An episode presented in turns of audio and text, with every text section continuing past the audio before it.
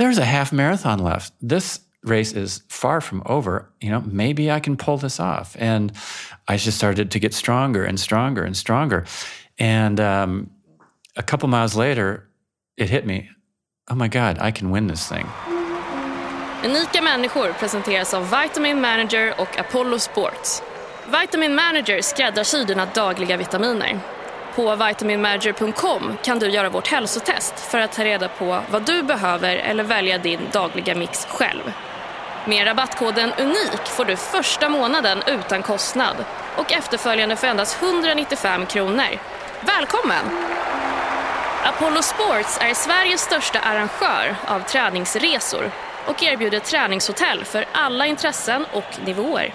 Som lyssnare har du nu möjligheten att vinna en resa för två till Apollos resemål Madeira. Gå in på unikamänniskor.com och tävla enkelt. Tack för att du lyssnar. Nu kör vi!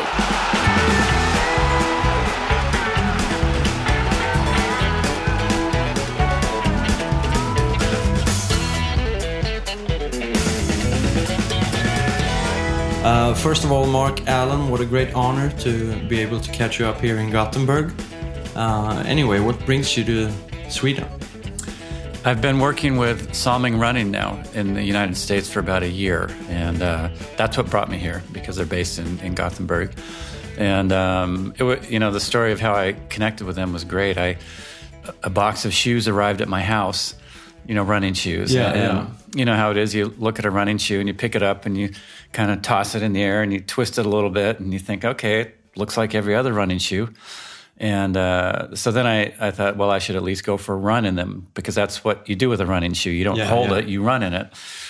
And so I, I put them on and I, I went out and I just felt like from the first step that there was something so special about these shoes. Like it just seemed like the instant my foot hit the ground, I was ready to come off. There was no effort that it took to do that. And it felt like my stride length was just perfect and the way I landed was just perfect. And my foot could feel the ground just the way it needs to to, to be stable and to be fast on and off my foot. And um, I thought, how can, you know, I've been running for 30 years. I've tried many different running shoes and they all feel different, but this is the first one that felt like something revolutionary in, in Yeah. the way that it, it works with your foot. And, um, you know, I did a lot of runs in it. To, I thought maybe it's just, you know, sometimes the first time you try a shoe, feels great. And then after that, it doesn't feel great anymore. But every one of the Salming shoes that I tried really had a special feel to it. Yeah. And so I, I called up the, the the gentleman in the United States who's running running that division, and he explained what they did with developing the shoe and why it is different from pretty much any other running shoe out there. And um, they just designed the shoe to work the way your foot works, and uh, to support it where it needs to, to let it move where it needs to. Um, you know, they took all the extra weight out of the shoe that might be something that's cosmetic but does nothing to help you run faster. And um, anyway, so uh, But you must get a lot of boxes sent to you, or I mean, a lot of people uh, want your opinion maybe on on shoes. yeah, I've you know since I when I was when I was racing, I was sponsored by Nike, so I Yeah. was only using their shoes, and obviously they have a lot of shoes, and they would send me boxes. And then when I retired from competition in 1996, then all of a sudden other boxes started arriving from other companies, and so I got I've had the opportunity to try a lot of different shoes since then. And uh, the Salmings were really something pretty unique and special. And so, anyway, they were having their um, their their yearly uh, meeting with all of their sales force from around the world, and so they had me come in and talk about my experience with the shoes, but also to to tell some Ironman stories and racing career stories, and so it was really fun. You know, it's I, I was I was commenting that I've. Uh, Sweden is the only country that I raced in where I won every race that I entered when I was here. What what year was that, and what races? It was in Säter. Yeah, Uh, Säter. Yeah, and I, I, I raced there, I think, three times. So not that many, but I won every time that I was here and I always had a great experience. And so I was really happy to come back. You know, I, I also mentioned that, you know, I've been driving a Saab for the last 20 years. So, uh, Oh, you yeah? know, I, I love I love the car, even though they don't make them anymore. And uh, my son's name is Mats. So, you know, I, I, I said You I have have, a you have a close relationship, even though. yeah, ah. I said I have this accidental love affair with Sweden that I didn't plan, but And now Salming comes along, and you know it's yeah. Yeah, so it's it's been it was a really fun to to be here and to be with Salming at their headquarters and to really get a feel for how they design their shoes and Yeah. who's designing them and what what their plan is for the future. So it's yeah, they're they're a great company. But uh, when that Saab starts, uh, stops running, you can buy a Volvo. Yeah, that's true. Yeah. Yeah. They make maybe greater cars. yeah I would say. That's what you drive then. Yeah, it is. of course, I'm a Swede. That's right. But um, um, Mark Allen, being a legend in this sport of triathlon and, and endurance sport, um, uh, I'm thinking, you know that Salming has a DNA of Börje Salming, which is a famous hockey player, right? Mm-hmm. Uh, you you met him? I've never met him, but actually, a good friend of mine um, in California grew up with him. They, Uh-huh. they were close friends growing up, and Okay. so he was telling me about uh, growing up with him and just where they lived when they were kids and played together and stuff. So Yeah. Okay. Cool. Um, so let me just, for those of you who doesn't or don't uh, know about Mark Allen, uh, I would just like to do a small recap. Mark Allen is a Ironman Hawaii six-time champion, legendary Nice triathlon ten times champion, and um, been awarded the greatest endurance athlete of all time by ESPN. Still in Sweden, of course. Sweden is not like a super big triathlon country, but uh, when there's a tons of social media podcasts and articles, of, of course, about you, and um, uh, your career was lasting around 15 years between what would you say 80 from 1982, and uh, that was the first year that I raced, and then the last uh, the last Ironman I did was actually in 1995. 1996, I did one final season of short short distance races that was really just for fun. I, at that point, I was pretty much you know on my way to retiring, so Yeah. it, it was in total 15 years of um, racing, you know, at the best level that I could.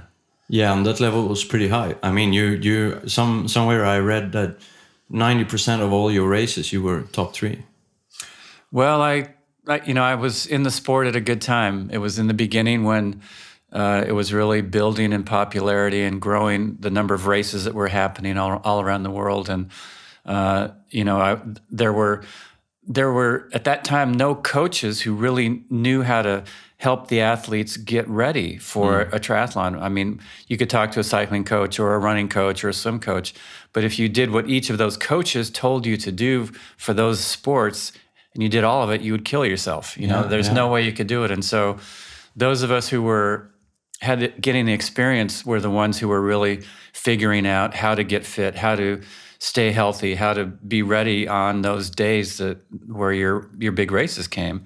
And it really became almost almost like an art form to figure that out. I made mistakes. I got you know burned out. I would be ready two weeks early or two weeks too late. uh, You know sometimes, and then finally, um, as I went through the early years of my career, I kind of was able to target the races that when I needed to be ready to to Yeah. hopefully win. So but uh, you also reached out a hand and searched for help and uh, i was thinking we're going to talk a little bit about that uh, your uh, good friend Brant Secunda who's um uh, what do you call you you say like shaman healer uh, right yeah, Brant Secunda is a a shaman, a healer, ceremonial leader from the Huichol Indian tradition, which is is the Huichol Indians live in central Mexico, and he he has an amazing story. When he he grew up in the United States, when he was 18, he went down to Mexico and ended up with the Huichol Indians and became adopted by uh, an old uh, Indian shaman, Don Jose Matsuwa, and Don Jose put Brant through a 12 year apprenticeship to learn how to do the healings, to learn how to lead ceremonies. And, you know, a, a shaman is kind of like a, an Indian medicine man, an, Yeah. Indian doctor. You know, they're, they're the ones that will heal, heal people when they are sick. Um, you know, every traditional culture has shamans. You know, the, the word actually comes from Russia, from the Tungus tribe, and it describes somebody who, you know, they can see the energy in, in the body and, and arrange it so that, you know, it takes the illness out and, and gets the energy right for the person. You know, from a Western mindset, it's like, what do you mean you can see the energy of the body and arrange it so that the illness get, goes away?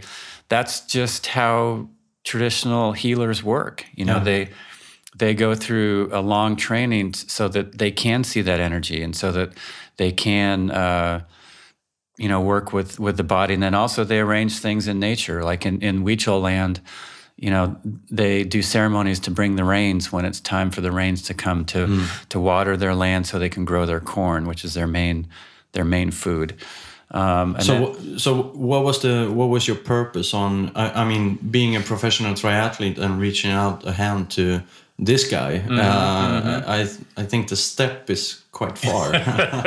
yeah, you don't hear too many triathletes talking about working with a shaman to help them get better at racing. They work with their coach. They work with their coach. Yeah, you, you know, it's it's actually a great story. And in um, in 1989, I was at, at the Ironman in Hawaii. I had been there six years, raced it six times, mm. never won. Yeah. In 1989, I was feeling like I was kind of ready. I felt like I had done the right training to be ready to win it.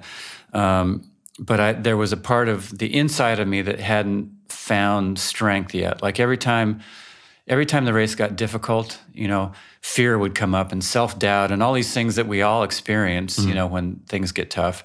And I didn't have a way to work through that, to just be calm and to be able to look around and go, hey, maybe I won't win, but life is still going to be good anyway. Yeah. And so in that race, um, uh, I was with, and I can tell the story in more detail later, but halfway through the marathon, I was about ready to give up. And mm. um, I had seen an advertisement in a magazine a few days before the race that was talking about a, a retreat that was going to happen in Mexico being taught by Don Jose, the old Indian shaman who lived to be 110 years old, by the way, yeah. and his adopted grandson, Brant Secunda.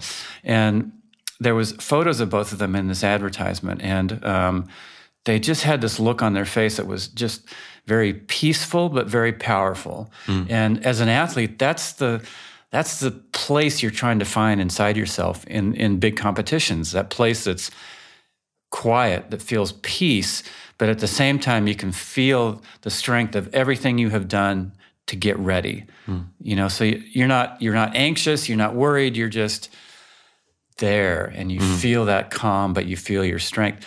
Anyway, in the middle of the marathon, I felt everything but that. You know, I was tired, my legs were killing me, I had blisters on my feet. And right at that point, Don Jose's image came back to me. And it was like I could just see him or feel him or sense him.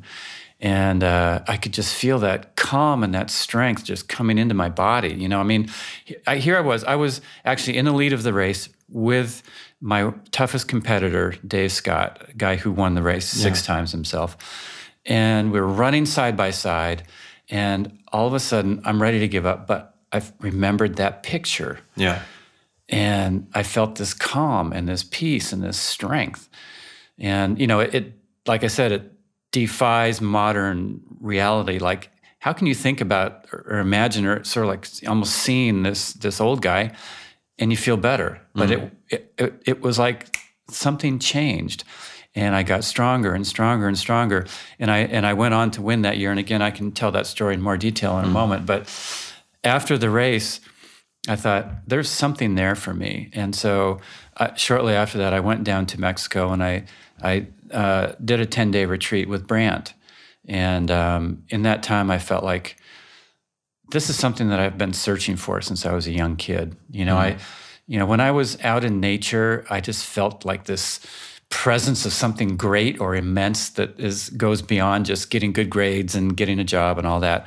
You know, it felt like in you know when I'm out in outside in nature in the forest on trails in the mountains by the ocean that I just felt like I'm part of life, mm. you know. And a lot of times when I have, when when you feel uh, challenged by something, you, you, feel disconnected from life. Sort of like it's not it's not going to work out, you know. And as a triathlete, if I don't win Ironman, my life is not going to work out, you know. But uh, life always works out. And so, anyway, in those 10 days w- with Brant, I felt like um, I really started to get a sense of what that meant to be calm and feel peace more, more and more and more in my life. And so I started studying with him, and um, he became a real uh, force in helping me to go to the Ironman, to, to go into my races, feeling stronger, feeling more calm, feeling more peace, not being uh, held back by fear or by doubt. Hmm. And you know, every athlete trains their bodies, right? You Yeah. know, we all do our swim, bike, run workouts, or your you know, Same way, basically. yeah, but then when the when the race starts, then you have to deal with yourself. Hmm. You know, and so if there's if you have a weakness inside your character, that will come up. It'll show, and then you have to deal with it.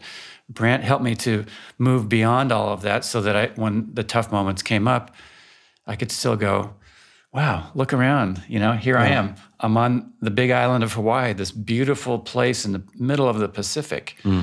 You know, this is my office." yeah, yeah.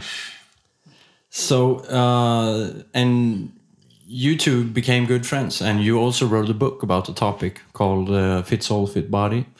Um, and uh, what I found, and also the thing when I listen to your podcasts that you've been a guest in, um, you started your build up also with a visit to Brant, like uh, when when all the other pros went to you know their their build up in August, you started to with a with a week um, just trying to disconnect or connect with yourself uh, with Brant. So it was a you had a uh, more holistic approach on your on your uh, getting ready mode. you know, I to to do well in a race, you've got to have all the numbers. Like you have to have certain numbers of kilometers of training and times in the pool, splits on the track that are that are good, that are world class. But then there's also other elements that have to be in place.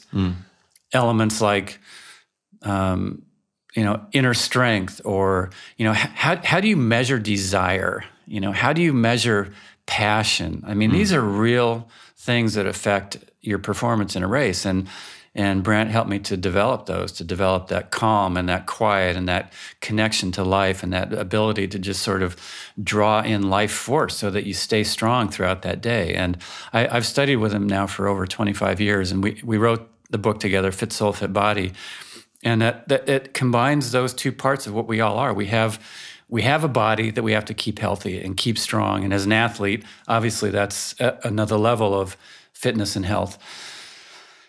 We have a soul or, or that inner inner part of us that's our humanness, you know, our our character, I guess you'd say.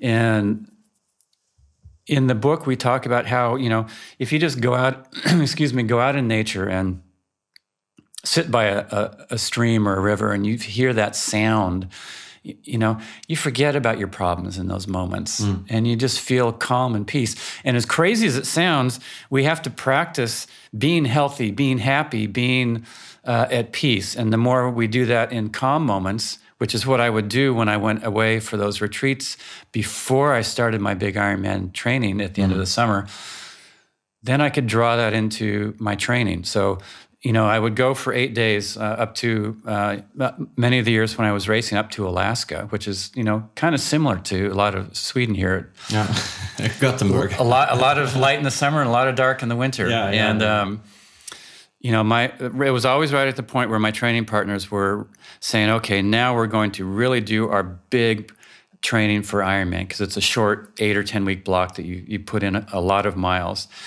And uh, I would take the first eight eight or nine days of that. I wouldn't swim, I wouldn't bike, I wouldn't run, but I worked on that inner strength, that inner Yeah. character, that connecting to life.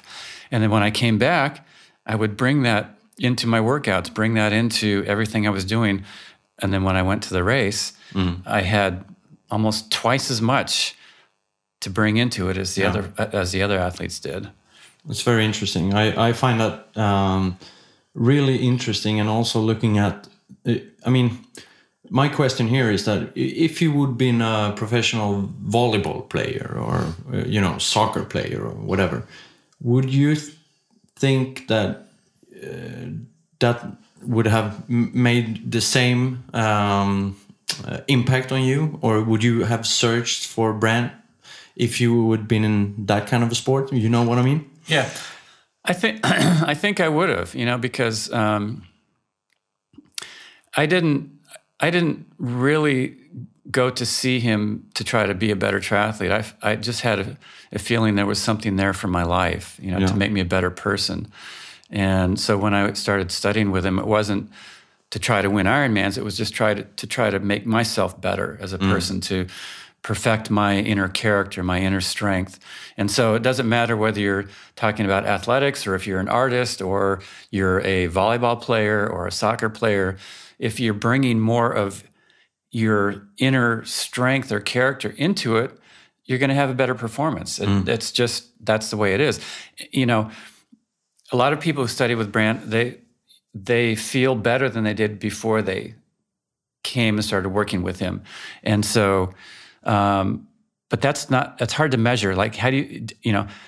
How much happier am I now than I was before? But when I was racing, all of my energy was going into swimming, biking, running, and it was very measurable. If I was bringing more of me into it, uh, I did better, and you could see it in the results. And so it was very defined. Like six years before I met Brant, I didn't win any Ironmans. I made a connection and started studying with him. I won six Ironman titles and six starts. You know, it was a very clear line that that happened, a transformation that happened. Well, um, in that book, Fit Soul, Fit Body, you're talking about the nine keys to a, ha- a healthier, happier you. Can you just uh, touch on those nine keys a little bit? What you have them in your head? Uh, let's see if I can remember most of them. Yeah, I mean, one of them is uh, one of the keys is quieting your mind. Yeah. You know, if everybody's probably had that experience where they're doing something and it's challenging, and uh, you know they go into it thinking, "I I can accomplish this goal," and then in the middle of it, you feel like the goal is impossible, and then your mind goes crazy with stuff that doesn't help you out. You know, like. Ah, it's too hot. You know, in the race, Ironman is too hot. It's too long. There's too much wind. That guy's too far ahead. I can't catch him. You know, if you can just get your mind to be quiet, stop analyzing, stop thinking, then you feel this calm and this flow that happens. And that goes for anything. You know, if you're maybe you're a writer and you can't come up with what you need to say, or you're an artist and you can't figure out how to do something, you get your mind to be quiet. And then all of a sudden it starts to flow. And so that's what that one that that key is is one. Another is um, managing the different kinds of stress because, you know, to be fit, healthy, and happy, if you're under stress, it's hard to have any of that. And so we give tools to help people uh, alleviate stress, to reduce their stress, so that then they're more free to just be healthier, to be happier, to have the energy to take care of themselves. Another key is connecting with the spiritual world of nature. I mm-hmm. mean, human beings are hardwired to feel good when we're outside. You know, when mm. we're in the sun, when we're feeling the wind, when we're looking at the ocean, when we're looking at mountains, when we're in the snow, when we're moving, you know, outside, that's when we feel good. And so just using that energy of nature to to make yourself healthier because you're out there and happier because you're out there.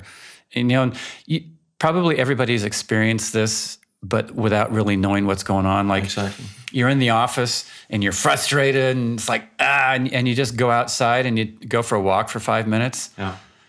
All of a sudden it's like, oh, okay, let me go back and deal with it. That's a simple, you've connected with that outside world, and that's where we're meant to feel good. Another key is, um, as it relates to athletics, it's slow down to get faster, meaning, you know, a lot of athletes really just push themselves all the time, but uh, they're looking for a very quick result. You know, they want to be a world champion in one year or six months or three weeks, you know, and those deep core fitness changes, they take place over a long period of time. You know, it, it took me seven years to finally build to the level where I could go from fifth to fourth to third to second and then finally uh, win Ironman. Um, but it took slowing it down so that I let all of that and that work really sink in and really recover and and build and slowly get stronger, and your whole your mind and your your muscles they start working differently. You know, when you give yourself that time. So slow down to actually get faster. Uh, another key is to um, we call it invite your inner caveman to the table, meaning you know um, our genetics for for survival was based on eating food that comes from nature, that's not processed, that uh, has everything in it. You know, the vitamins, the minerals, the fiber, um, and so I mean it's simple. But the, the, the challenge is to do it, to eat healthy, to eat food that's very similar, where, as close to how it came from nature Yeah. you know, and not processed foods.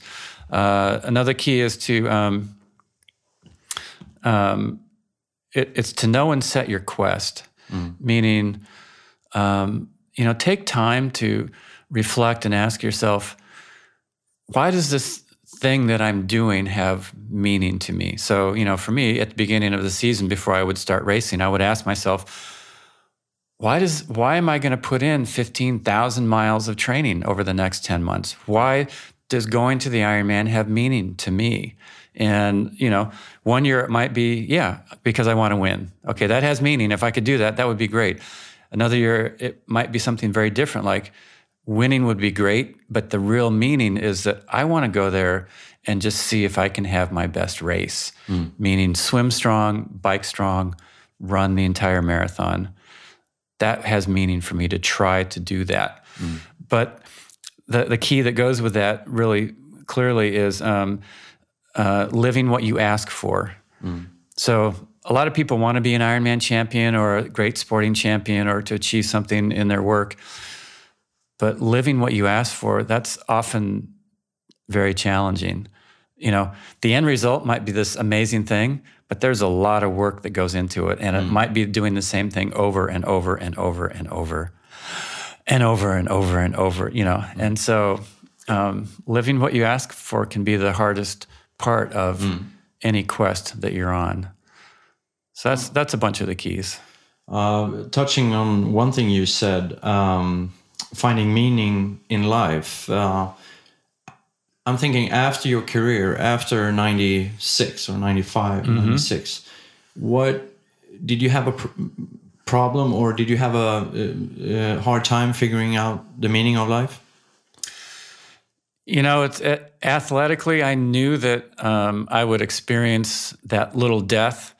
You know, sometime in my late 30s, I knew that there, you know, there's no way you can be a, a, a world class athlete until you're 110. You know, that's not going to happen. And Not so, yet. not yet. Yeah, they haven't they haven't developed that drug yet. So, anyway, um, you know, I, I I was preparing for that. Even in the early years of my career, I, I knew that this would not be forever, and so I, I always try to keep my my racing in perspective. Like, okay, this is important right now. This is what I'm putting a lot of energy into, but there will be something else after that. And one of the there's two things that help me. One certainly is is working with Brant because you know he he puts it in perspective. He says your life is no more important than a blade of grass, meaning that you know that blade of grass and me it, it's growing and I'm doing whatever. It's it's all the same, really. Yeah. You know, and so that helped me have a different perspective on my my self importance and what I was doing. And um, the other thing, you know, I, I as I said, I was sponsored by um, Nike, and they had a lot of. Um, they had a lot of top athletes, that, and I said, "What do you see the biggest challenge for these people when they leave their sport?" And they said the, the hardest thing for most of them is that they're really good at what they do in their sports, in their athletics. The next thing they do, at least when they start out, they are nowhere at that same level. Hmm. And, you know, in their mind, they have a hard time dealing with that. And so I, I knew that was going to be a big thing. Like the next thing, next phase of my life, I will not be the best guy in the world at it. Maybe never, and certainly not in the beginning. Hmm. And so I was prepared for that challenge as well. So, um, yeah, I'm still trying to get good at something. Your uh, friend Scott Tinley wrote a book about the topic called "Racing the Sunset." I don't know if you uh, read that book. I didn't read it, but I, but I yeah, I, I'm very aware of it's it. It's very interesting about how professional athletes leave one career and jumping into another, and also um, how the suicidal um, thoughts get into your head after being so good at one thing. And yeah, it's very interesting. Um, can recommend it to all, all the listeners. Ursäkta att jag stör. När du ändå lyssnar, passa på att gå in på unikamänniskor.com och tävla om resan för två till underbara Madeira med Apollo Sports. Det var allt. Nu fortsätter vi.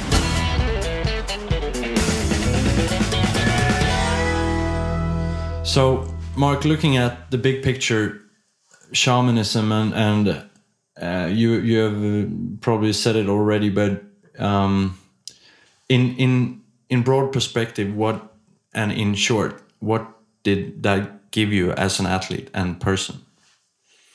Studying with Brant, studying shamanism, gave me tools to um, one keep everything in perspective. You know, Yeah. racing is important, but it's not necessarily the most important thing in life.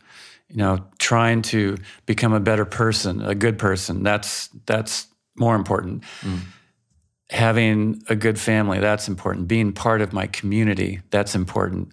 Um, helping other people out, that's important um, trying to learn something about life every day. That's important.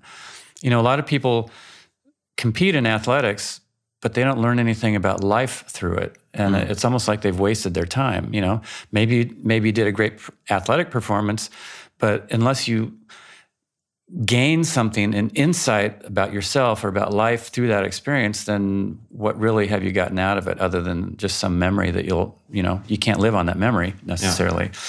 And so every race that I did, I tried to just reflect and and learn something from it. And the interesting thing is, you know, I I did I, I won Ironman six times during my career, and I won Nice a lot of times. And it's really just been the last five years or so that I've had enough time to reflect on those races to really start to learn some of the, the lessons and what it was that I did. Mm-hmm. You know, you'd think, oh, okay, the race is done. I know exactly what I did. Well, a lot of times it just seemed to happen. But now, 20 years later, 25 years later, I can look back and go, oh, that's how it happened. Yeah.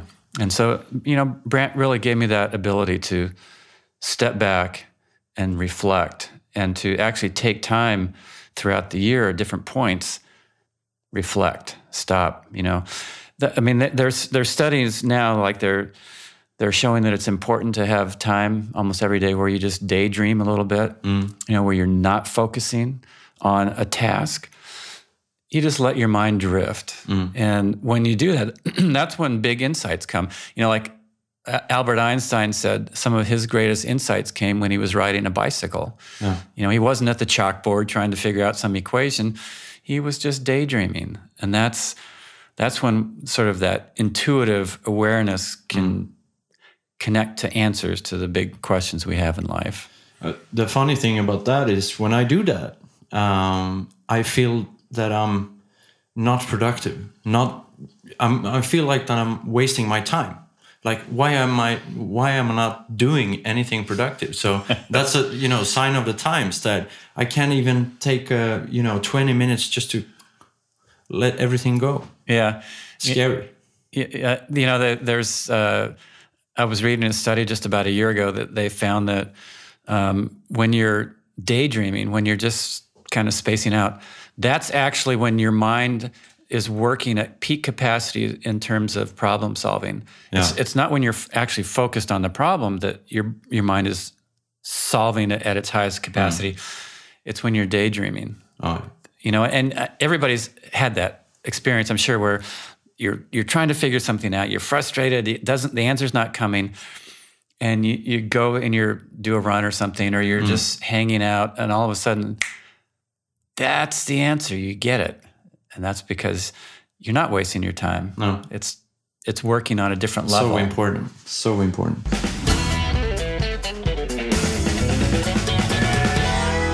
Okay, uh, Mark. Let's uh, let's talk a little bit about uh, Ironman Hawaii. What is it about that race? What, what what's the nature of that race?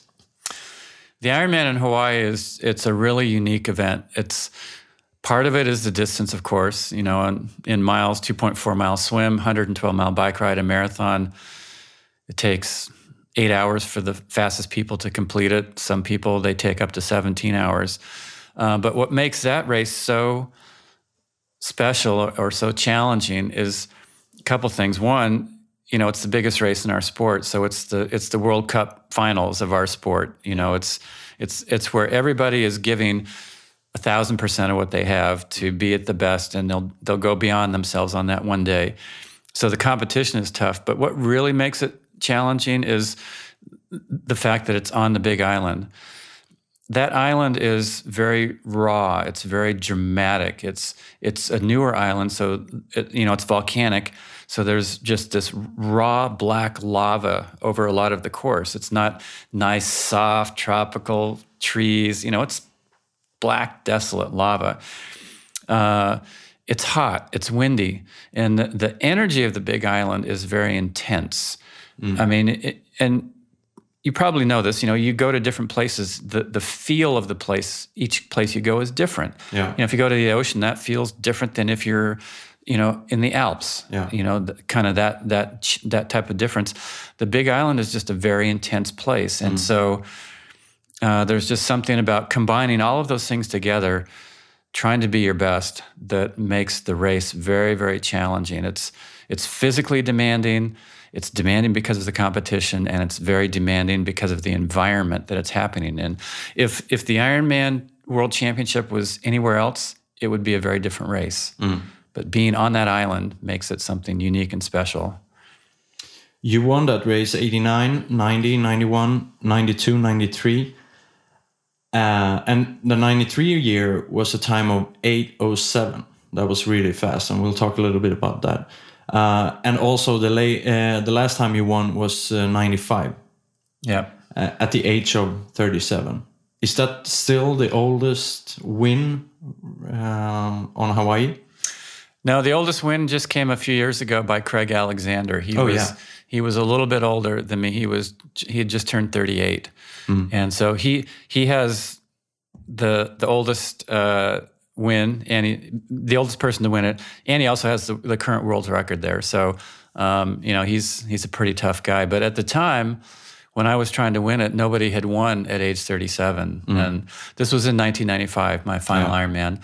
Um, nobody had at that point i was trying to win six ironmans in six starts. Mm. nobody had done that. And um, yeah i couldn't google it. You know how, how, do you win ironman as a 37 year old you know six wins and six starts? It's um, it was it was a tough challenge.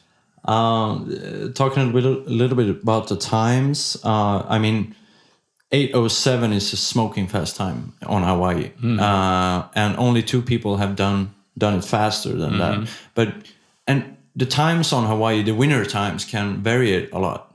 What is yes. it about that? You know, the, the, the, the, winning time in Kona depends on um, the weather. Yeah. You know, if you have a lot of headwind, it's going to be a very slow race. Headwinds on the bike. Um, if there's if there's no clouds on the marathon, it's going to be a very slow marathon. Mm. So to do a fast time there, the, the weather conditions have to be right, and then also the the race dynamic has to be right. Mm. You know, it's as much as you as athletes say, "Oh, I'm going to go do my own race." You know, you're you're you're you're working off the dynamic of your other competitors, yeah. and so it has to be just the right blend of people going fast but steady, so that you don't go really fast and really slow, really fast, really slow. Because in the end, if you do that, then you'll have a you won't be able to run as fast. Mm. Um, you know, the three times I went under eight hours and ten minutes yeah. uh, in Kona, and only similar conditions all the time. It was, it was. They were all s- sort of okay conditions. Yeah. Um, I would say that that day that Craig Alexander won and has the current record, that was probably the best conditions I've ever ever seen there. It was mm. there was no wind on the way out on the bike, a little tailwind on the way back, and there was clouds on the run. So everything was everything was perfect for eight oh three. Yeah, for a fast day, but you know, and somebody will go under eight hours there, but it's yeah. it's got to be just the right dynamic. Mm.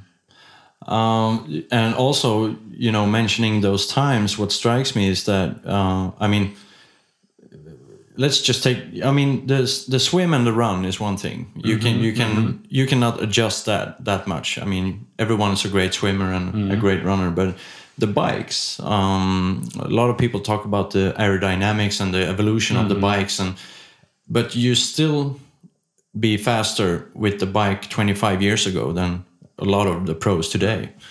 How do you explain that? What's the secret? Yeah, I get asked that question a lot. You know, how did how did you guys go so fast on equipment that was just nowhere near what it is now in, in 2016? And um, there's there's something that's different now. Like the athletes specialize. So you know the guys who are trying to win Ironman, they pretty much only do Ironman distance races, or sometimes 70.3 half Ironman distance. Um, and the guys that are doing Olympic distance races, very few of them are also doing Ironmans. And so people are specializing in either really long stuff or really short stuff. When I raced, we were expected to be world class at Olympic distance, at half Ironman, and full Ironman distance races. Yeah. So um, when I did my season, I would have part of it be targeting long distance events, Nice, Hawaii. Other parts of the season, I would target Olympic distance races around the world. And so I developed the endurance, but I also developed the speed. Mm. And I think the guys nowadays who are focusing on on Kona, they maybe they'll do an Olympic distance race, a shorter race, shorter race, but they aren't giving it the same focus that they will give mm. to the long distance training that they do.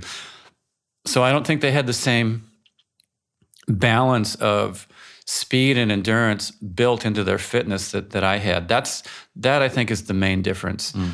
And, and and something else that actually is happening now is that there are a lot of devices that measure everything. You know, eh, people are measuring their power output and, and their heart rate and, and their lactate levels and you know their sleep cycles and just a million different things. yeah. And that stuff can be good to help you uh, sort of correlate. Okay, this number means that that sensation is telling me something. But eventually, I think guys are looking at their heart, at their watch, going, "Am I happy today or not?" You know, it's like they're not developing that intuitive sense about their body. Like, you know, we didn't have all all this stuff to measure everything, so we had to just tune in and figure out what the sensations were telling us. You know, this sensation is telling me my lactate is at this certain level or whatever it is. And I think that that helped us in the races because when you're trying to go to a completely different level that nobody's gone to before, you know, it's very hard to figure out how that's going to happen with the numbers. But if you have an intuitive sense about your body, hmm. you can draw the performance up to that level in a very different way. And and I I think that also is something that we had that, that a lot of the athletes now aren't developing. Hmm. Did you train and race with a heart rate monitor? I, I train and race with our heart rate monitor. That was my that was my one main piece of technology. Okay. And it helped me to it helped me to uh, s- slow my training down just enough so that uh, it- on the on the endurance days, so that I could actually absorb the benefit of it. I didn't go too hard all of the time. In the early part of my career, I did every I did everything fast, and you know, in the beginning, you get really fit really quick, but your body can't you can't absorb really fast stuff all of the time. You'll burn yourself out, and I was burning myself out. And then I, I started utilizing heart rate training, and that really helped me to gauge the intensity levels. So on the endurance days, I didn't go too hard, and then on the speed days, I was able to go hard enough. And it really, it, it really, really works quite well. And since then, I've I've looked at every every training method that comes out, and and uh, I still think it's the best tool for athletes to help regulate their their training zones. Do you feel that um, people want uh, their triathlon evolution to go quick nowadays? Like, you know, this must happen in a year, or I, I must become this and this, and uh, you you know what I'm saying? Yeah, Quick fix. yeah. You know, uh, we we're all trying to live at the speed of Twitter, Yeah. and um, core deep fitness changes don't happen that fast. You know, it takes it takes an entire year to go even a little bit up in in real deep fitness. I mean, you can you can push things and, and get really quick fit r- really fast but you can't sustain it. You can't hold it. Um, and if you keep going like that you burn yourself out. And so it takes patience. It really takes patience to slow things down to a level of training that uh, you can sustain for five years or 10 years or, or 15 years and get better every year. You can't do it if you go way up fast in your fitness and performance. I mean, you, you've seen this like with somebody like Chrissie Wellington, who, um, you know, she came into the sport of triathlon. She won Ironman, every Ironman that she did in, in Kona um, and did these amazing times, but she was only around for a couple of years because mm. it just burned her body out. Yeah. And so I had a, and you can do it that way. It's just your choice as an athlete. I had a very different approach. I, I wanted to have a long career where I got better each year, and I also wanted to leave the sport healthy and uninjured. And and so that was a very different goal than a lot of the other athletes. They just wanted to go as hard as they could for as long as they could until they burned out and then they left. Um, and and a lot of them are broken down now. Their bodies don't work right. You know, I'm I'm 58, and knock on wood, my body works great still. You yeah. know, so and and I'm not burned out like a lot of the other folks who pushed it too hard too many years. So even if you're even if you're coaching other people, consistency is the key. I think so. Yeah. You know, and it's it's hard to you know, as a coach, it, it, would be so much easier for me to give people workouts that would completely exhaust them. Yeah. It's way easier to give somebody a hard workout than it is to give them the workout that's just the right level for them to mm. go up a little bit more this week and then the next week and mm. then the next week. And, you know, athletes, like I said, it takes a lot of patience mm. because mm. you may not see these huge gains in fitness in the first week or two weeks or three weeks or even month but then if you look six months down the road, then you go, oh, okay, maybe yeah. maybe this guy knows what he's talking about, you know, mm-hmm. and and they're getting stronger, and their injuries are going away from the training that they used to do, where they were going hard all the time. Mm. It takes patience. It, it's it's not easy on the ego. No. um, your fastest uh, running time, running split on Hawaii was two forty two in ninety three. Was that your fastest Ironman marathon you ever did? no, my fastest Ironman was that one in 1993. I, I, I went I went 80914 the first time I won it, and then I went 80908 in uh, 1992, and then 1993 I went 807. Yeah. So those were the three times I broke the world's record. But my fastest marathon split was from the race in 1989, where I was racing head to head with Dave Scott. The marathon split was 240.04, and that's actually still the fastest. You came second. I won that year. You won that year as well. Yeah. Okay, yeah. You know, and that's that marathon split is still the fastest mm. marathon split in Kona. Yeah. Um, 27 years later. Don't mm. ask me how. uh, was that the perfect race? that was the perfect um, competition. okay. You know, in, in 1989, because Dave Scott and I raced together the entire day. Yeah. You know, he was he was the guy to beat. In by 1989, he had won six times in Hawaii. Mm. He knew how to race that that that event. He was the best guy from hour six on. You know, so if he was anywhere close to you with an hour or two to go in the race, you knew he was going to catch you, and mm. he knew he would catch you. Mm. Um, I had not won Ironman in 1989, so Dave Scott and I were on the start line. I saw him. I went right over to where he was going to start on the lineup in the water, and I said to myself, "You've been in the lead of this race at the end of the bike and lost. You've been in, in the lead of this race." at mile t- at, at 10k into the marathon and you've lost. You've been in the lead at the half marathon point and lost. So don't go into the lead until at the end of the day if you mm. can stay with him. And so I, I swam the entire swim with him. I stayed on his feet the entire swim course, you know, and I kept hitting his foot every few minutes just to yeah. kind of let him know I was back there because I knew he hated that. Yeah. And we biked 112 miles. I followed him the entire way. You know, sometimes he would go a little bit faster. I'd speed up also. He would slow down. I would slow down. It's like, I'm not going to go in the lead because I don't know how to pace this mm. right. and we started the the marathon together. And he went really fast through the town of Kona, and it seemed like suicide. But I thought, this guy knows what he's doing, you know. Then we got out onto the lava fields where you you really have the the meat of the marathon, the you know the full about two hours out there, and uh, the pace slowed a little bit, got more sane, and we were running. Finally, we took the lead. From there, there was a couple guys who had been ahead of us. About half, at the half marathon point, we we were in the lead, and we were on a pace that was going to completely shatter his world's record. So at that moment, it was like, okay, either Dave Scott's going to win his seventh title or I'm going to win my first. Mm. But that was when he started surging again. Mm. You know, he started he started going faster, and then he'd slow down, then he'd go fast and slow down, and I, I could feel myself starting to break. Like, mm. I can't do this. You know, it's like I didn't. And then I, then all that junk came in my head again. You know, like I can't win. Dave Scotty's going to win. You know, I didn't do the right kind of training. There's no way I'm ever going to beat win this race. You know, I just wanted to quit. I just want to quit. And um, finally, it got so hard to stay with him that I couldn't even think the negative thoughts anymore. Yeah. And my mind went quiet. And in the instant my mind went quiet, that's when Don Jose's image came back to me. And I remembered that his photo from the magazine and that look on his face of peace and power.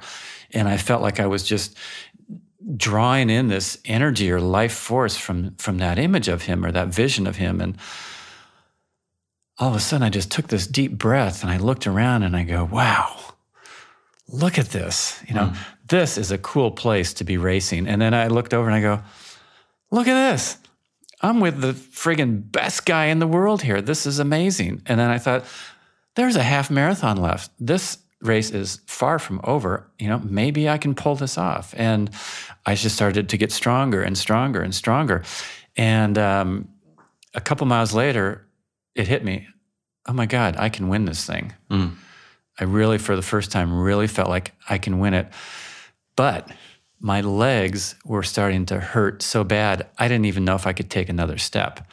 And so here I am. One part's going, I know I can win it. And the other part's going, but I don't know if I can take another step. You know, I was having this battle. But did you see or hear anything from Dave? Like, is he is he even slowing down a little bit, or what was your feelings about him? No, he, he wasn't slowing down. And that was the hardest part. You know, we, we are running side by side. Yeah, iconic pictures from Yeah. from this. and, and we're we're on the the Queen K Highway. There's nobody else around. There's nothing else happening, and we we kept bumping into each other Yeah. because neither of us wanted to give an inch or you know a centimeter on the other one or a second, and I could just feel that he was so strong. There was nothing I could do to break him. Mm. You know, there was no surge that I could do that would make him think, "Oh, gee, I can't win it." Mm. You know, he was going to be strong all the way through the finish line, Yeah. and that was very intense to to feel that and to just know that this guy is not going to break. He's mm. just going to be strong the entire way. And so we stayed together, and finally, it got to the point where we we both knew that there was one long uphill at mile 24 and a half mm. before you drop down into the town of Kona Yeah. and do the last three three quarters of a mile or so to the finish line. And we both knew that that was where the race was going to happen. Mm. You know, when we got to that hill, one of us was going to break the other one. That was clearly the place it was going to be. And mm. so as we were getting closer, the pace started getting faster and a little faster and a little faster and a little faster. And we're right next to each other and we're both on form, you know. And at the bottom of the hill was an aid station. Yeah, And so, you know, your logic is saying, okay, get one last glass of sport drink, get a little more gas in the tank, and then take mm. off. We came up to the aid station. Dave went, he surged ahead of me. He reached into the aid station before me. And so I started to come in behind him. And just as I was ready to grab one last glass of sport drink, something just said, go. And I pulled my hand back and I just started sprinting as best as I could at the end of an Ironman, sprinting up this hill, you know, and so that was completely opposite of what the logic would say I should do. And uh, in the few seconds it took for, for Dave to reach over, get his glass of sport drink, and look back, I'd put a gap of maybe two or three meters on him. Yeah. And you can see it in the footage. All of a sudden, it shocked him. It blew his mind. Like, how can somebody be pulling away from me this late in the race? Yeah. And, you know, his shoulders came up and he started rocking and everything got tight. And um, I got to the top of the hill before him, but it, I still didn't know if I could win because he's a really good downhill runner. Hmm. And the other side is a long, steep downhill. I raced down to the bottom of the hill as fast as I could. I got to the bottom before him and I looked back and then I knew I was going to have it. And so I, How long distance did you have there to him at the bottom of the I hill? couldn't see him. Oh, you couldn't see him. I couldn't see him, you know, and, and I don't know how far back he was. He, I knew he wasn't that far, but it was far enough that he wasn't like, you know, two seconds or three seconds. It was, uh, there was a, a bigger, bigger gap. Have you talked to him about that moment, about that aid station situation? Yeah, he, he knows it. He's, he saw it and he's, he said at first he couldn't believe that, that I was pulling away. Yeah. And he said he tried to respond, but there was nothing in his legs. He couldn't go any faster than he was. And so I, I, I made it, and I was coming down that last stretch on on this street called Ali'i Drive. It's you know the the iconic mm-hmm. finishing line with thousands of people cheering, and and with about a half mile to go up to go, I realized nothing was going to happen. I was mm-hmm. going to, my legs weren't going to cramp. I wasn't going to fall down. I wasn't going to blow up. And then just this, all this emotion came out because the whole day, you really have to hold your emotion very steady. You know, you can't get too excited. You can't let yourself get too down. And all of a sudden, I knew that it was going to happen. And, you know, I had this huge smile on my face and these tears were coming down my face. And, you know, I crossed the finish line and, um, Dave Scott had his best race ever of his career that day. He broke his previous world's record by over 17 minutes. I did my um, best time to that date by almost 30. Yeah. And the difference in our finishing times was 58 seconds, a very small difference on a very long day. That's so cool.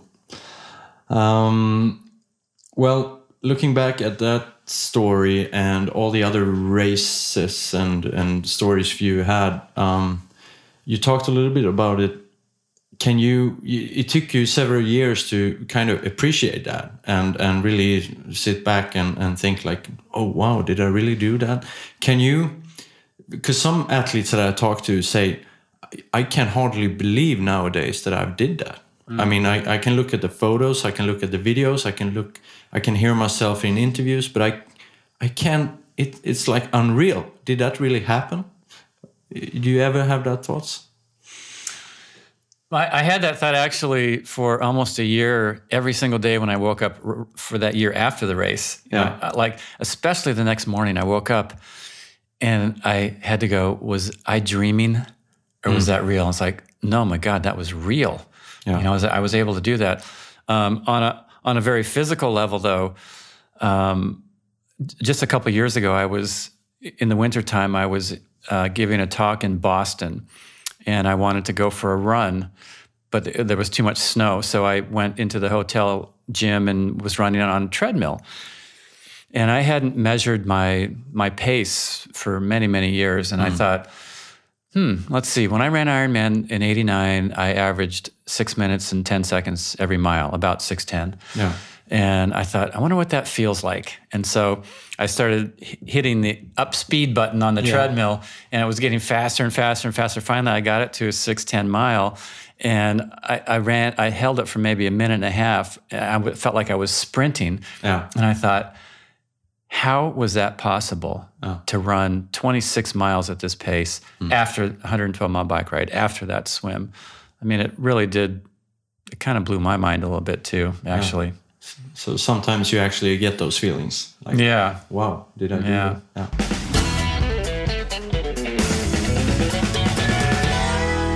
Okay, um, Mark, let's talk a little bit about Mark Allen coaching. Um, you, that's your current uh, profession and business today. That you're actually running and have a lot of athletes all over the world coaching. Um, what do you actually do there? Yeah, that's that's one of the main things I do. MarkAllenCoaching.com. I, I I coach triathletes at this point. It's it's an online training service where people put in their their training information about what they've done in the past, um, their their goal races that they're going toward this season, uh, different information like their age and stuff that I need to be able to build training plans, and then they get completely customized programs based on all of what I've learned over the years, not only as an athlete myself, but also through the exper- experience of coaching people now for um, 25 years or so. And uh, it's great, you know, because people can, you know, there's no pre-made template, so they're not shoved into something that's not quite them. You know, like if they want their long run on Tuesdays, they get it. If they want it on Thursdays, that's where it is. And and the, the training is also dynamic. They can move things around based on you know if, if their schedule changes in their work or whatever. And then they they get unlimited email support from me, so I get to interact with the athletes quite a bit. And um, it's it's all the intensity levels are based on on heart rate, um, and people will gauge that uh, heart rate against pace running to see if they're getting better. So, you know, maybe this day they're running a four four kil- minute kilometer, and next month it's a three and a half minute kilometer at the same heart rate. They know they're getting faster. Same with um, power output on the bike. You know, if they are pushing 200 watts at 150 beats a minute, and then next month it's 225 at that same heart rate, they know they've gotten more fit. They, It's not that they're going harder; they have gotten more fit. So it's it's a great. Um, I think it's a great program. We've had a, a lot of people have incredible successes, and again, some of them start out with me and they go, "Ah, this is too easy." You know, uh, where's where's all my speed work? And I go, it's it's coming. Don't worry. You know, just follow this. Slow it down. They go, I can't I can't run that slow. You know, I'm barely jogging. I go, just stick with it. Yeah. Just trust me. You know. And then a few weeks later, they're like, ah, I'm getting a little bit faster. And then they go to their first race and they're like, oh my god, I, I that was I had a, I set a PR. You know, and I've barely done any speed work, and I feel really good. I'm not burned out, and you know that's the goal. So, and the programs are not only focusing on uh, Ironman racing. Uh, they are, yeah, Yeah, Olympic all- distance and Yeah, all, all distance, sprint, triathlon, all the way up through Ironman. Um, any level of, of experience from beginner all the way up through, you know, people who've raced 20 years. yeah. Um, do you work out daily nowadays? Work out? Are you kidding? no. yeah, you know, and, like I said, that was one of my goals when I was in the, the middle of my career was to um, retire healthy and, and uninjured. And so, you know, the final Ironman I did in 1995, I I had a great race there, maybe the best race of my career. Um, but I knew also that it was time to transition out of racing because high intensity, um, pushing your body to its limit like that to get the most out of it, you're so close to, to becoming injured or becoming burned out.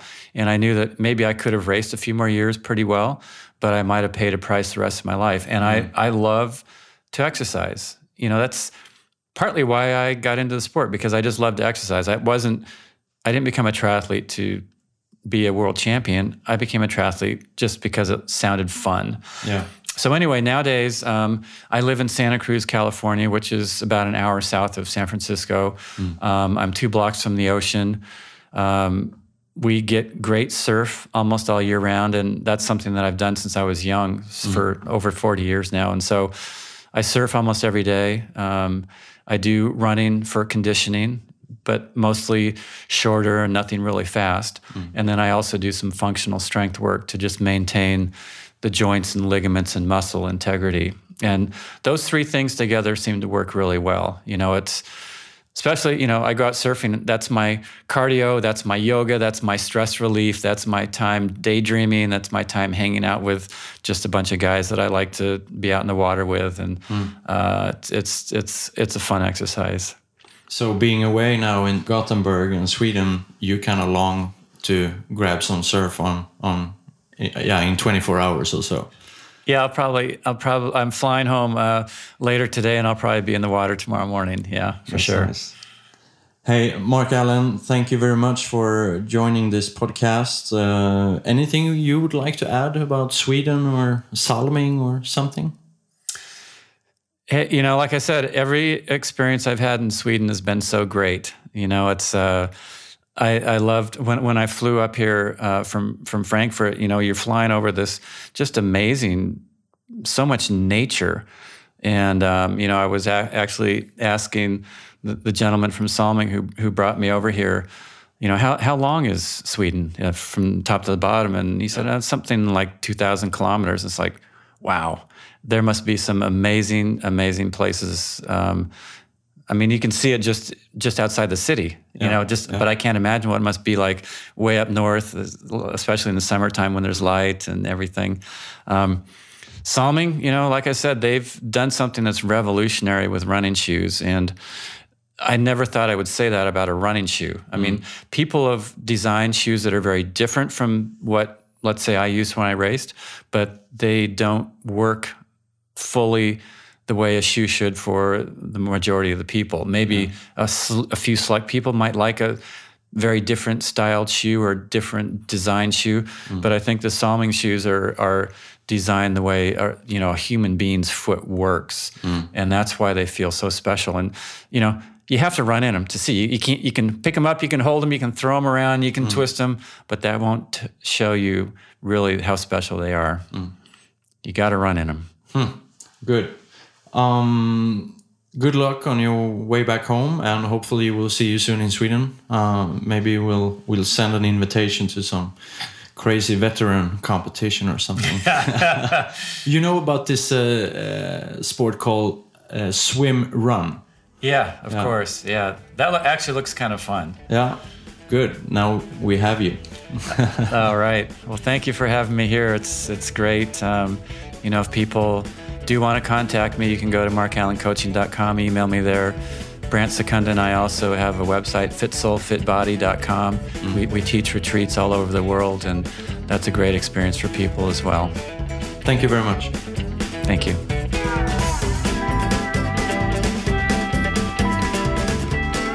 Du har lyssnat på Unika människor med Jojje Borssén i samarbete med Vitamin Manager och Apollo Sports. Tack till producenten Jonas Sjöberg och produktionsbolaget A1 Produktion.